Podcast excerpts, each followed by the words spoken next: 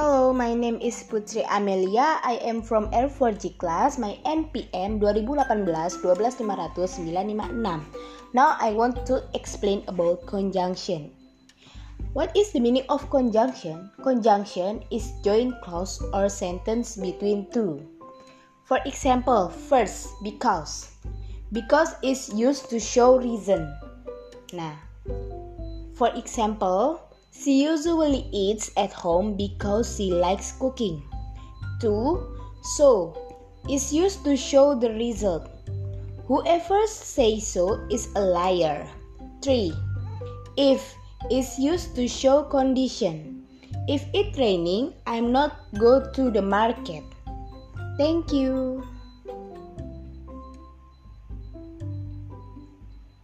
you